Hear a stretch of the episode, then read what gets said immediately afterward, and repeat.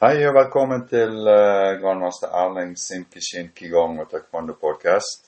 I dag er jeg så heldig å få med meg Geir Karlsen, Fjerdan, Ringerike Taekwondo. Hei, Geir. Hei på deg. Hei. Uh, jeg har jo intervjuet ganske mange som har drevet med kampsport i mange år. Uh, og nå er du nesten med på listen, for å si det sånn. Jeg syns det er veldig gøy å få høre historiene til de forskjellige. Eh, så hvis vi går litt rett på sak, da. og Hva var det som gjorde at du startet med taekwondo, hvis det var taekwondo? Eh, taekwondo var første kampsporten jeg begynte med. Ja. Eh, at det ble taekwondo er nok eh, kanskje litt tilfeldig. Mm. For det er jo som mange andre på 80-tallet, slutten av 80-tallet, fascinert av kampsportfilmer. Mm. Så litt fascinerende ut, nysgjerrig på hva det var. Ja. Og oppsøkte da taekwondo-klubben i Hønefoss. Ja. Ble jo fascinert av det som treninga. Ja. Ja. Der hadde jeg også mitt første møte med Grandmaster Troll. Mm. Møtte han på første eller andre treninga der, i Ja. klubbens lokaler. Men var han, eh, var han trener der da, eller var det noen andre som var trenere? Eh, Han var jo hovedtrener. Ja. Det var jo flere andre instruktører i klubben. Mm. Eh, Men det var mens han fortsatt eh, bodde og trente hjemme hos. Ja, så det, han var egentlig hovedtrener, så Ja. det var, han var den, egentlig din første trener da, på en måte? Ja. Første sånn ordentlig instruktør. Mm. Mm. Eh, når du, du hadde begynt, eh, hvor gammel var du når du begynte? Jeg var 18, 18 eller 19 år. Ja. Jeg husker ikke helt nøyaktig. Ja. Eh, Så jeg kjørte bil til min første trening. Ja. Ja, ja. Ja. Voksen da jeg begynte. ja. Eh, men hva var det, så, eh, hva var det som eh, fenget deg når du først var begynt? For dette du, du sa du ble inspirert av Du syns det var OK å se på sånne kampsportfilmer eller actionfilmer. Eh, men å gjøre det sjøl fysisk, det blir noe helt annet. Hva var det som fenget deg da, egentlig? Oi. Eh, treningsformen, måten å trene på. Mm. Um, Av og til så blir du bare fascinert uh, litt Ja. av, litt av noe. Ja. Så har man jo drevet med mye rart gjennom oppveksten. Har Drevet med fotball, basketball, Mm. litt forskjellig. Har Liksom aldri fant noe du følte deg hjemme i. Så Men det her, da falt det liksom på plass, på en måte.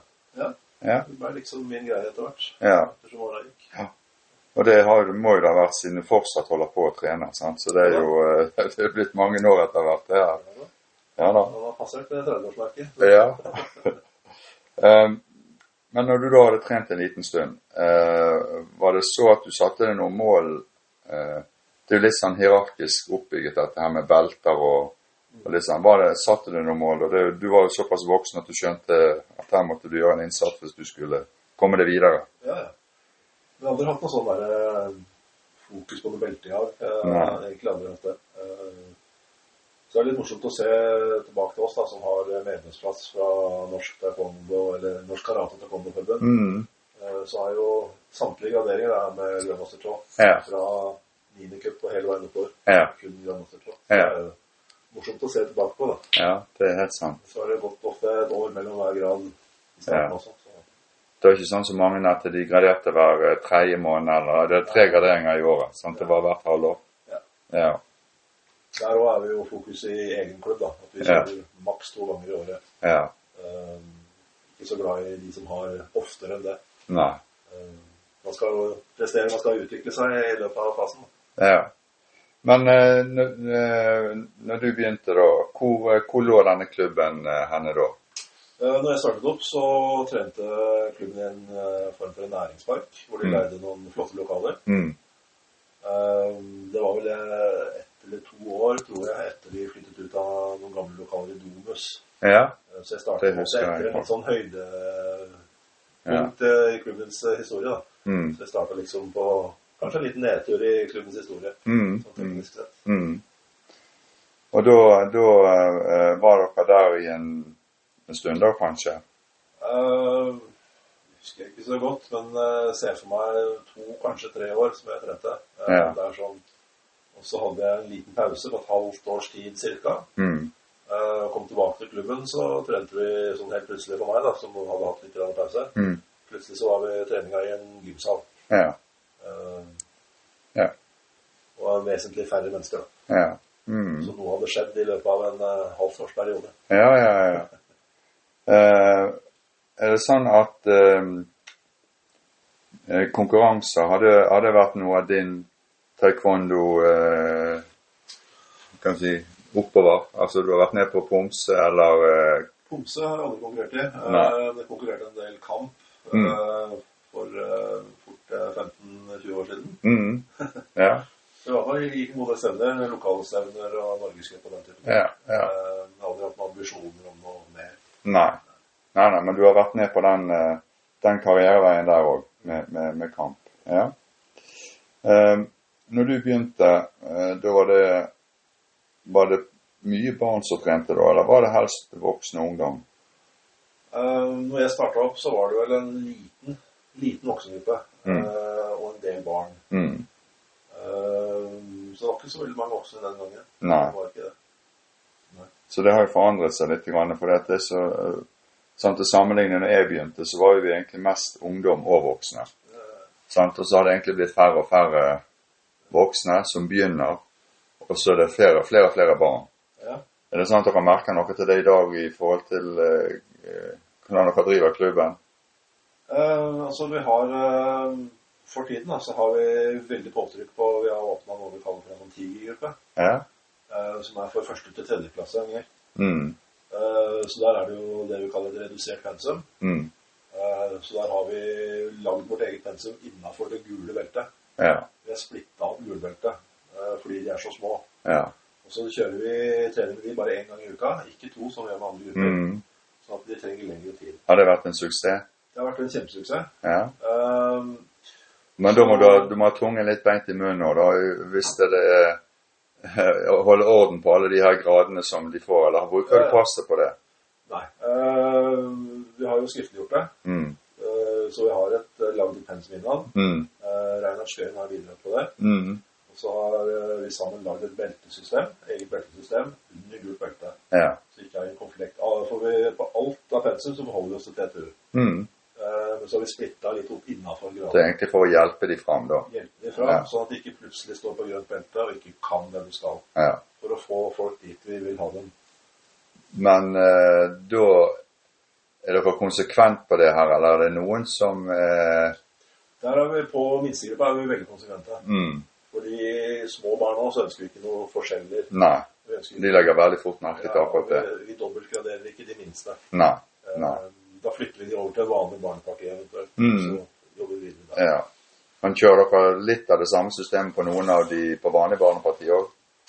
Eh, På vanlig barneparti så har vi, mm, så vidt jeg har registrert, da, så har vi noen uh, mellomgrader som andre klubber ikke har. Mm. Uh, men som vi teknisk sett har som mål å ikke bruke. Ja. Uh, men at vi kan bruke hvis vi ønsker Ja. å ha litt lengre tid Ja. på utviklinga. Eh, så på barnepartiet så er det, føler vi at det ok dobbeltgraderte. Ja. Mens teknisk sett da gikk jo til Ja. vanlig grad.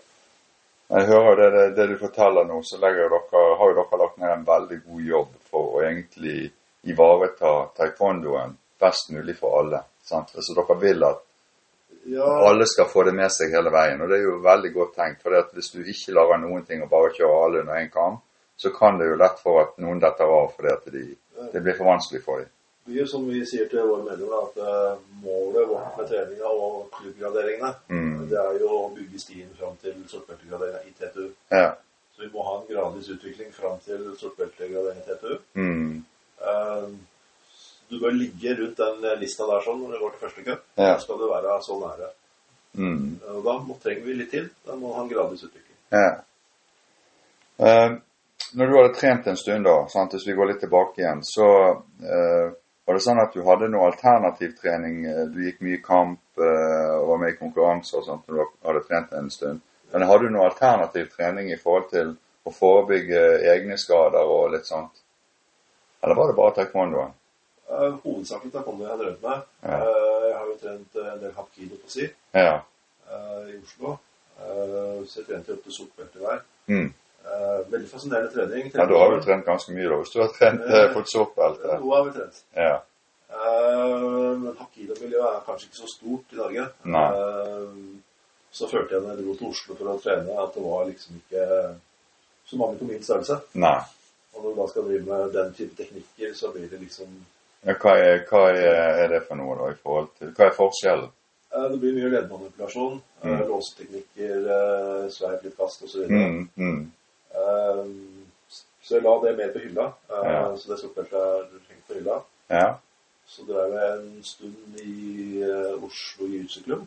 Ja. Eh, Tradisjonell jiu-jitsu. Mm. Jeg syns jeg er veldig fascinerende. ja. Så jeg trente vel der fire år. Er det, er det, nå spør jeg litt dumt, men er det, er det noe sånn grappling-greier, eller er det, er det Eh, Det er jo stor forskjell, forskjell mellom tradisjonell jiu-jitsu, som er eh, selvforsvarsbasert, mm, kontra brasiliansk, som bare er på bakken. mm, Eh, Så stilarten som eh, Oslo jiu-jitsu-klubb eh, trener, er jo stående basert, Ja. hvor du har slag, spark, lignende taekwondo. Mm, Eh, Men du har også låseteknikker, eh, kast og fellinger. mm, eh, Men du ønsker ikke å bli med ned på bakken. nei. Du ønsker å bli stående på beina Ja. mest mulig. Så om å gjøre å få felt motstanderen ned, da, på en måte. Ja, Sette han ut av spill. Ja. Ja. Det er jo harmonerende med jobben min, ikke sant? Ja. Hva, hva jobber du med? Jeg jobber som operativ førstebetjent i fengsel. Ja. Eh, så har jeg jo fagfelt med selvforsvar, pågripelse, aksjoner, batong, CS-gass, alt mulig sånt. I jobbsammenheng. Ja. Så er Ja. instruktør i kriminalomsorgen i det. Ja. Så du kan, men det var jo da Jobben kom etter at du begynte, Jobben selvfølgelig. ja. Sånn, så det var jo egentlig Da var jo det en, eh, en god ballast å ha med seg. Ja da, det gjorde jo at man falt litt for uh, sære, særansvaret jeg har da, med Ja. selvforsvaret på den type ting. Mm. Eh, Det kommer jo alltid godt med med litt i ryggsekken. Ja. Så det, det, det, jeg- det jeg ofte spør om, er jo har du, har du lært noe av det du har trent som du kan ta med deg utenfor treningen? Og det har jo du tydeligvis eh, gjort, og, og du bruker det kanskje i hverdagen. Eh, Ja, for så vidt. Ja. Ja. Det blir jo, blir jo litt til det. Ja. Mm. Men er det noe annet du For det, jeg tenker når du har trent så lenge, så har du også vært instruktør. Eh, for nå er du hovedinstruktør i klubben. Ja, da har vi jo luksus i klubben nå. Eh, Vi har jo fått opp eh, 200 mastere i løpet Mm. av årenes løp. Mm. Eh, Så har vi jo Masiebio, eh, Mm. som eh, vi gjerne skulle sett enda mer på trening. Ja, syvende far i huset. Syvende far i huset, han er alltid med oss. Ja. Eh, Men, eh, men da har du trent øh, voksne, f.eks. Og, og har, lærer, har du lært noe av å være instruktør? Ja, altså du lærer jo mye om deg selv, selvfølgelig. Mm. Eh, Du lærer mye om andre mennesker. Mm. Hvordan snakke med andre mennesker, hvordan påvirke andre mennesker. Mm. Eh, Og i årenes løp så har man jo lært at de beste instruktørene i klubben, de må de ha på trene barna. Ja. Barn er vanskeligere å ja, det er det. Det er sant. Voksne ber de gjøre noe, og de gjør etter beste evne, så det er alt for å få det til. Ja. Mens de minste barna er jo en tålmodighetsprøve for instruktør. De gjør Ja. jo alt mulig annet enn det du egentlig vil at de skal gjøre. Så- Har du noen gode råd for å være barneinstruktør? Hva er, hva er trikset? Oi. uh, du må bare være med litt på barnas premisser. Ja. Uh, du kan ikke ha en uh, veldig kommanderende holdning. Du må ha smilet på lur. Mm. få det med deg likevel. Og så må du kanskje ligge Du må ligge et hakk foran hele tiden. Ja. Sant? Du må Du må ha en liten plan hvor du Ja. Ja, ja. pakker inn og baker inn. ja. Når du begynte, så Eller hadde trent en stund, så var du med i konkurranser, sa du. Eh, da årsvis i, i kamp.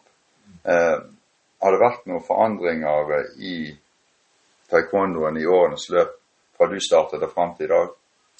Ja da, det har jo vært en eh, ja, Det er populært å bruke utvikling, eh, Ja. endring. Mm. eh, Spesielt da på korrigid, altså kamp. Ja. Eh, Kampen som jeg starta med og lærte, eh, er noe helt annet i dag. Ja. Eh, Olympisk taekwondo er jo ikke noe jeg forbinder taekwondo med. Nei. Nei. Eh, Det var ikke det du lærte. Det var ikke det jeg lærte, og det er jo pinlig, som jeg sier til andre jeg sender som driver kampsport, at jeg gidder ikke å se på OL. Nei. For jeg syns det er rett trist å se på. Men eh, det vil si det at det, den taekwondoen i dag, det er ikke den du lærer fra deg heller. Da lærer du fra deg det du har lært. Ja. Ja. Så på en side så er det litt trist nå, for klubben eh, Vi har jo kommet i gang litt konkurranser nå. Mm. Eh, Vi har hatt fokus på det etter eh, pandemien åpna opp igjen. Ja. Så vi har begynt å få opp et konkurranselag i Komse. Mm. Og det er veldig gøy å se de kommer i gang med konkurransene. De gjør det helt ålreit. Ja. Noen av de gjør det veldig bra. Og kan Mm. bli utrolig flinke de fortsetter. Mm. Men så har vi en to-tre stykker som har lyst til å trene kamp. Ja.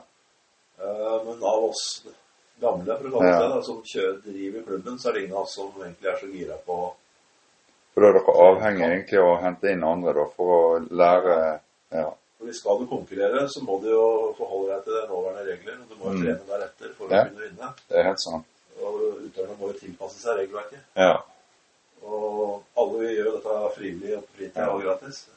Så det, det, kan jo være, det kan jo være en ulempe for en klubb som egentlig driver litt sånn tradisjonelt og gammeldags, at da vil de du bruker energi på, hvis de da kommer seg videre, vil forsvinne. For det er ikke kompetanse i klubben til å hjelpe de videre. Sant? Så det, ja, det er litt sånn eh, Vi har en liten sånn startgrop der. Med Ja. noen mm, så trenger vi den ildsjelen som har lyst Ja. til å drive det. mm. Så Det kan jo være noen, noen tilflyttere da, vet du, som Det vet du ikke. ja, ja, Ja. Eller du kan ha samarbeid med andre klubber i nærheten. ja da. Uh, Har dere det, forresten? Uh, ikke noe formalisert, selvfølgelig. Eh, vi snakker jo med klubber rundt Nittedal, ligger nært. Mm. Eh, Ja. Eh, når eh, du hadde trent en stund og fått egen familie, var det noen i familien din som begynte å trene taekwondo òg, eller? ja da. Eh, først så starta sønnen min. Mm. Eh, trente en god del år opp til uh, rødt belte. Mm. Så ble vel han uh, grepet av computeren. Ja. Så året er gått, og så er det russetid, og ja. han har liksom aldri helt kommet tilbake til sporten. Eh, kona mi trener jo. Mm. Eh, begynte en del år siden og hatt litt pause, men har Ja. starta litt opp igjen nå. Så det er jo veldig hyggelig. ja, det er absolutt. Det er jo litt lettere for deg å kunne bruke litt tid òg, selvfølgelig. Ja. sant? Det er jo der er det, det har blitt en så veldig god greie i klubben. Mm. For der har du av uh, hovedinstruktørene, da, Ja. som har treneransvar, som vi kaller det. da. mm. Uh, der er egentlig kona til alle, alle tre med. Det er jo veldig bra. Så ja, Han ene er jo singel, altså ting skjer vel forhåpentligvis. Ja, ja, ja, men det er jo imponerende. Egentlig, da det blir jo sånn, da blir det mye mer enn bare trening. Ja. Det blir litt, uh, det blir litt Det blir en sosial greie. Ja. Eh, ja. Det høres veldig bra ut, eh, Geir.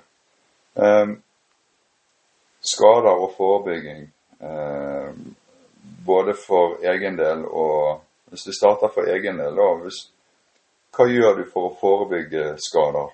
Altså sånn i forhold til taekwondo-delen. Eh, Hva er viktig for deg for at du skal unngå det?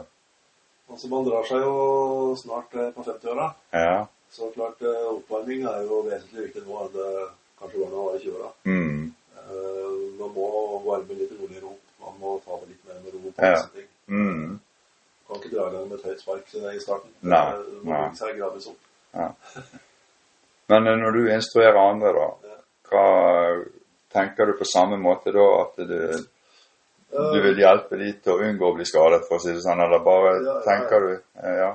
Eh, Jeg liker å bygge opp treninga litt rolig. Litt Mm. rolig få i gang kroppen, oppvarming, deretter litt mer eh, kjernemuskulatur, eh, Mm. kjernevarme. Og prøver jo å bygge treninga sånn at det er minst mulig sannsynlighet for skade. ja.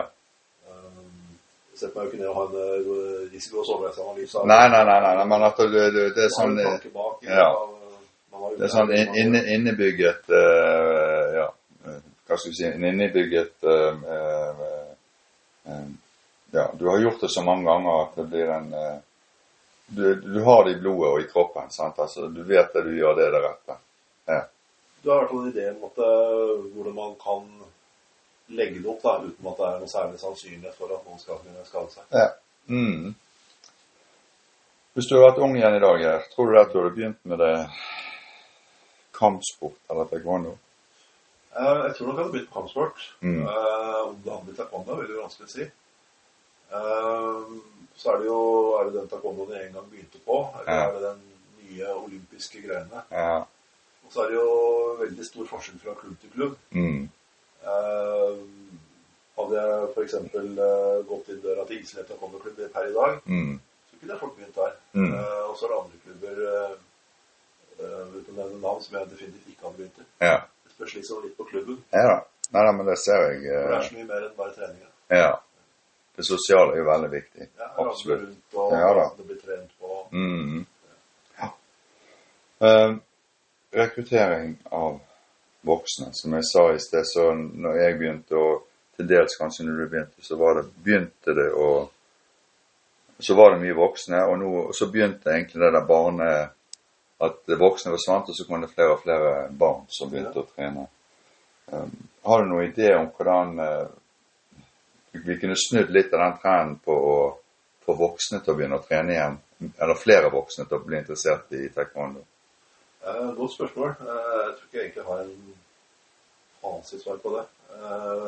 I vår klubb nå så har vi ganske mange voksne. Mm. Det som er litt interessant med det, er at mange av de har kommet tilbake i klubben Ja. Eh, gjennom barn. Ja. Og gjerne da gjennom den minste gruppa. ja. Eh, så da, Vil det si at eh, det er folk som har trent tidligere, som sender barna sine på taekwondo-trening, det også. og så begynner de igjen sjøl etter mange år? Det har hatt flere tilfeller. Ja.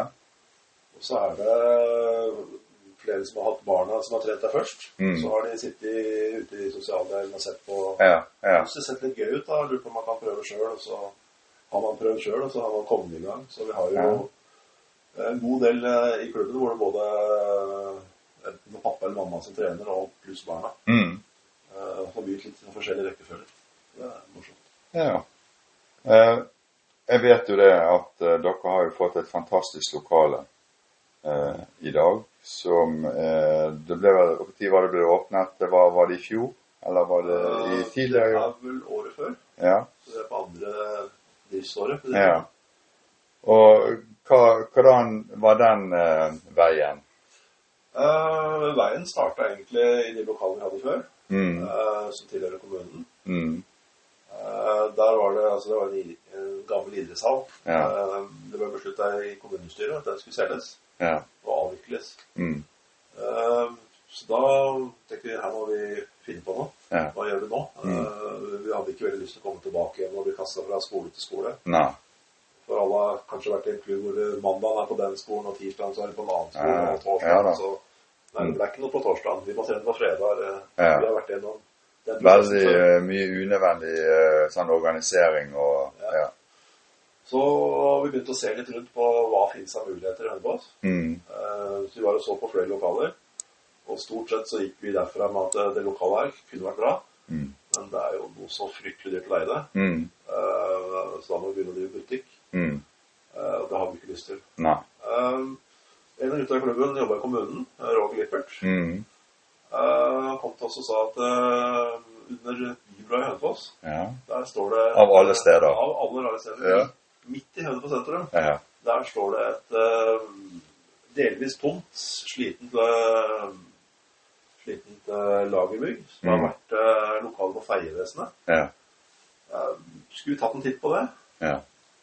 Uh, så jeg sa ja til det. Uh, reiste dit og titta og, og tenkte at her kan vi aldri forbi den klubben. Nei. Det var fullt av masse små, rare rom. så da jeg gikk jo derfra. Det, det går jo ikke. Nei. Så modna tanken litt etter hvert. Og så var det noe En sånn religiøs eh, forening, Stiftelsen Positiv oppvekst, som Mm. leide ja, nesten halve lokalet. Ja. Um, Så det var noen i deler av, ja. av det laget som allerede hadde et lokale der, da? Ja. Ja. Eh, så modna, modna tankene, ikke sant? Så skjønte vi at hvis vi reiv alt som var av veggene der, Mm. bare beholdt de to søylene som holder selve byen, oppe, Mm. Mm. så kunne vi klare å lage lokale. Men da var vi avhengig av å få den andre stiftelsen ut av lokalet. Ja. Så begynte vi en dialog med de, da. Eh, og det endte jo opp med Jeg er jo styreleder i et borettslag i Hønefoss. Ja. borettslag. Mm. Eh, der har vi noen tomme kjellerlokaler, Ja. men som ikke er egnet til å drive idrett i. Ja, okay. Ja. Eh, men de kunne leie det ut til lagerformål. Ja. Så det endte opp med at jeg fikk de til å flytte lageret sitt til et kjellerlokale i borettslaget. Ja. Men da fikk vi styret i borettslaget på til å leie til en hyggelig sum, Ja. fordi det sto bare tomt. Mm. Eh, Så da fikk vi de ut av de lokalene vi hadde lyst på. Og da begynte vi å gå i dialog med kommunen om en leieavtale. Ja. Eh, så var jo lokalet et enormt prosjekt å Mm. få til. Eh, Så mye frem og tilbake så fikk vi til en veldig, veldig gunstig leieavtale Mm. med den betingelsen at vi måtte pusse det opp selv. ja. Når var dette, Geir? Um, Altså sånn årstall, da. årstallet det måtte jeg ha sjekka på forhånd.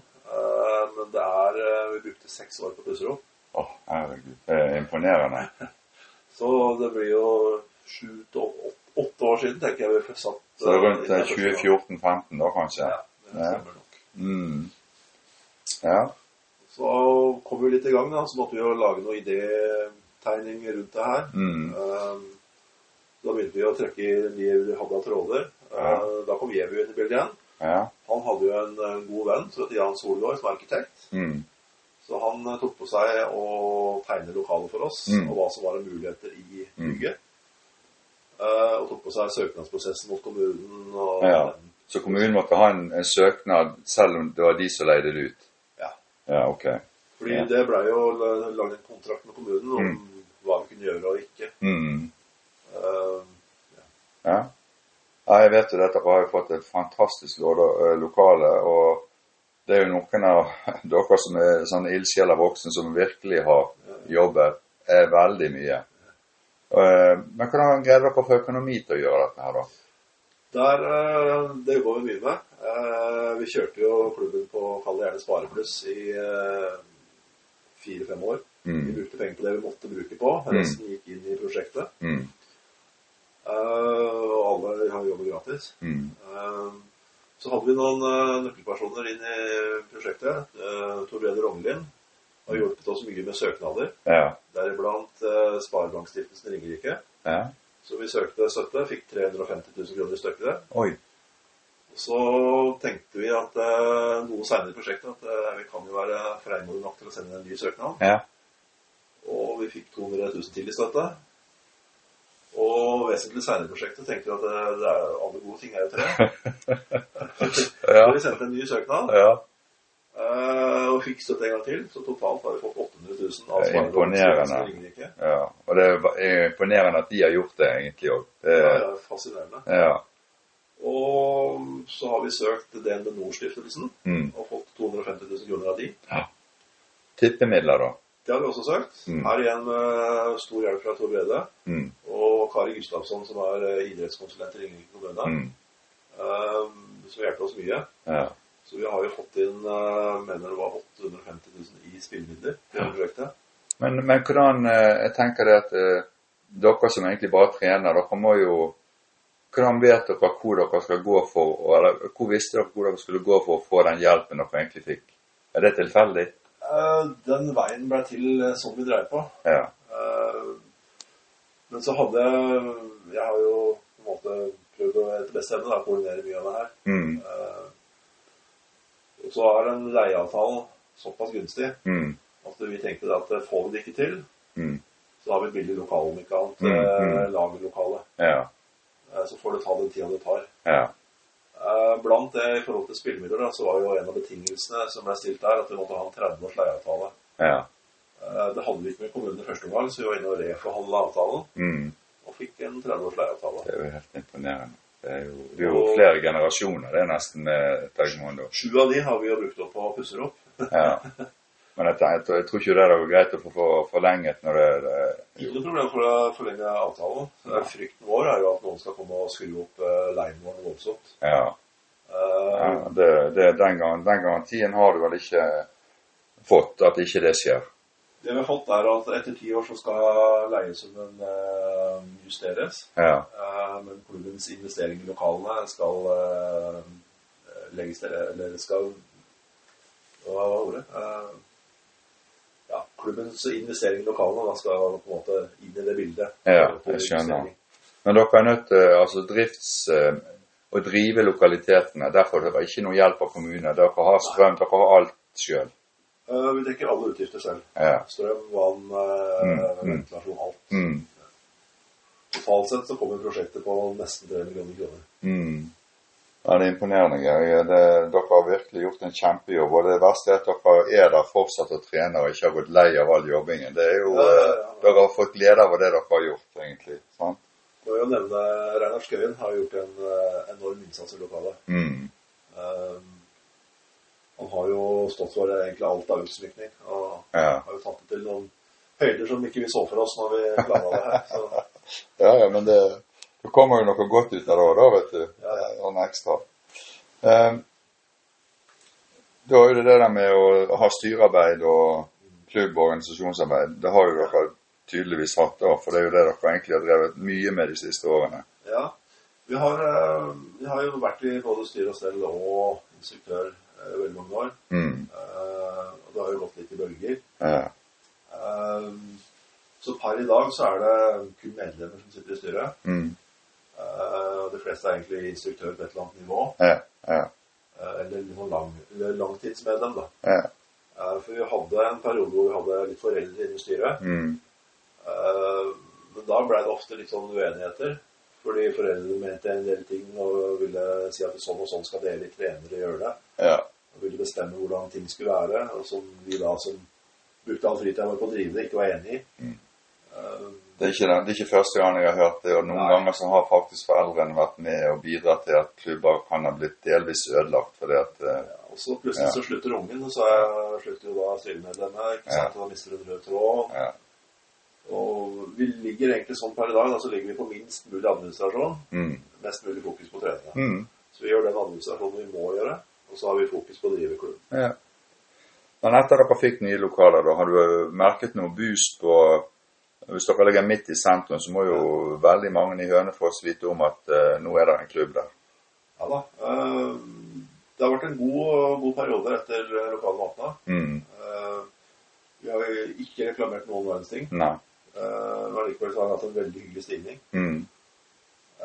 Så vet vi ikke helt da om det er noen av de endringene vi har gjort som har medført stigninga. Det er vel en kombinasjon, tenker jeg. Så er det som jeg nevnte den der Tigergruppa som har blitt veldig populær. Mm. Uh, Der fant vi ut at her kan vi ha maks uh, må holde under 30. Mm. For skal, har du over 30 småtasser, så Ja, får du hjerteinfarkt. ja. ja. Men ikke sant, så ble den gruppa full for uh, første sesong. ja. Uh, og vi hadde over 20 stykker på venteliste. Mm. Uh, så jeg dytta litt på de andre, så vi åpna en til. Mm. Så per i dag så har vi Tigergruppa, som vi kaller det, og. Tigerrekrutt. Så Ja. begge er per nå fulle. Ja. Eh, så vi har jo 40 medlemmer bare på første til tredjeklassinger. ja, ja, ja. Så kjører vi jo nå to barneparti i tillegg. Mm. Barn eh, hvitt og gult, som vi kaller det. Mm. Eh, og rent grønt belte og høyere, da. Ja. Så har vi nå skilt ut ungdomsgruppa. Ja. Så de får to egne dager i uka, og så prøver vi nytt sesongen her. Vi må prøve å endre litt sånn i ja, ja, selvfølgelig. Det skjønner jeg. Så da målet nå for neste sesong eh, Vi har blitt enige, vi har ikke, jeg har ikke hatt tid til å lage plan ennå. Nei. Eh, skal vi prøve å kjøre fire dager i uka hvor voksne kan trene. Mm. Eh, det blir spennende å se hvordan det blir. Ja. Men det, når dere har egne lokaler, så er dere egentlig Det er 24-7, det, hvis dere vil. Lokalet er det. Ja. det er liksom det det begrenser seg på. Det er instruktører til Ja. å lede treningene. Men egen trening kan du egentlig Ja, eh, der har vi gjort det sånn. Men meg i føringa, egentlig. Ja. Eh, jeg blir jo liksom gamlefar i huset, jeg Ja, òg. ja. Har liksom alltid vært i styre og stell der. Ja. Sjøl eh, om filosofien min er så flat struktur som mulig. Ja. At alle skal være enige i avgjørelsen Ja. vi tar. Jeg liker ikke å trumfe gjennom. Nei, nei, nei, det er sant. Men jeg liker gjerne å pushe på Mm. jeg mener er viktig. Og de som har nøkkelkort, da, for å kalle det, Ja. elektronisk dørstyring Mm. og alarm og sånn, de som har tilgang og kan trene når de vil, det er instruktørene. Ja. Ingen andre enn instruktørene. Nei. Nei, det er jo de jeg tenker på. At det, det er en, en, en, kan du si, det er en gode å bli instruktør, og da får du egentlig en liten fordel. Sant? Ja. Og de som har ansvar, altså de som er med og driver klubben, de Mm. har tilgang og kan bruke det smidig og bare Ja, ja. Det høres veldig bra. Jeg er imponert, Geir. Dere har fått til noe veldig bra. Det er absolutt. Ehm, og jeg er veldig glad for at vi fikk denne praten her. For at, eh, ja, det, jeg vet at du har brukt veldig mye tid på de, de lokale og den jobbingen der. I tillegg til at du har trent mye. Så eh, jeg håper det at nå at du får eh, en god boost med voksne. Sånn at Ja. Vi har, vi har som sagt ganske mange voksne per nå. Ja. Veldig, veldig hyggelig. Det vi ønsker oss egentlig flere av, er ungdomsgjenger. Ja. De fra, la oss si, rundt 12-13, Mm. 13 til 18-20-åra. ja. Der skulle vi gjerne hatt uh, en økning. Har det vært uh, en idé å ha hatt uh, oppvisning, f.eks.? Uh, eller er det sånn at alle vet at dere er der? Uh, vi er forholdsvis synlige i bymiljøet. Ja. Eh, men det er alle muligheter er det der. ja. Jeg vet at Før i tiden så hadde vi mye oppvisninger for å For de vet kanskje ikke hva det er før de ser det. De bare vet navnet og at det er noe sånn. Det, en ting vi på en måte merker litt, er uh, ryktet til klubben. Mm. Eh, for det går jo ofte via kompiser, venninner, Ja, ja. foreldre, søsken. Er det to fra en klasse som trener, så snakkes det. ikke sant? Ja. Så, så jeg er opptatt av å ha en trygg og god klubb. Et godt sted å være. da. Det høres veldig bra ut. Og mot sommeren i år også, så har vi fokusert litt på å prøve å få med folk. Mm. Vi er jo 35 utøvere her Mm. på sommeren i år. Ja. Eh, Og det er jo veldig stas. Ja. Eh, og så jobba vi litt i forkant. Eh, vi bruker jo Spond Mm. til å organisere Ja, det gjør vi òg. Ja. Ja. Der òg kan man kjøre Spond-kampanje. Mm. Eh, Så vi kjørte en Spond-kampanje ja, fire måneders tid siden. Eh, Hvor da medlemmene selger lån. Mm. Eh, Hvor det gikk ut med det at eh, alle inntektene som eh, kom inn der, skulle vi bruke på å støtte medlemmene på sommerleir. Mm. Eh, Og medlemmene har jo sånn navn som bare juling. Ja. Så det er jo, for meg som da legger det ut, så er det fascinerende å se liksom, at det Ja. tikker og øker. Ja. Eh, Så i år kan jeg bruke 27 000 kroner på å støtte medlemmene på sommerleir. Så alle deltakere fra Ringerike får eh, 800 kroner sponsing fra klubben til å Ja. dekke på sommeren. Så alle, alle pengene skal ut igjen. ja. Det, det syns jeg er en god filosofi, og det er ikke noe nødvendig å ruge på pengene. Det, de skal gå tilbake igjen til medlemmene. Ja. For det er jo som hele familien som er med oss. Der er det mor og far som er med, Ja. pluss eh, to sønner. Ja. Hvor det da det er eh, far og sønn da, som trener, Mm. og kona er med, og eh, broren, da. Ja. Så for de å delta er jo en kostnad på nesten 9000 kroner. ja. Og de får jo hvor blir 16 3200 kroner i støtte Ja, for en tredjedel igjen, det da. Ja, men det er veldig bra.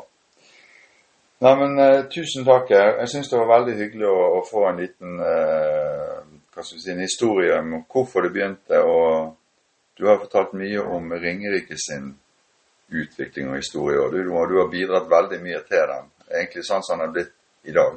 Det er jo eh, Ja. Det er det absolutt. Så tusen takk for praten. Eh, og så snakkes vi bare plutselig på. Det gjør vi. Ja.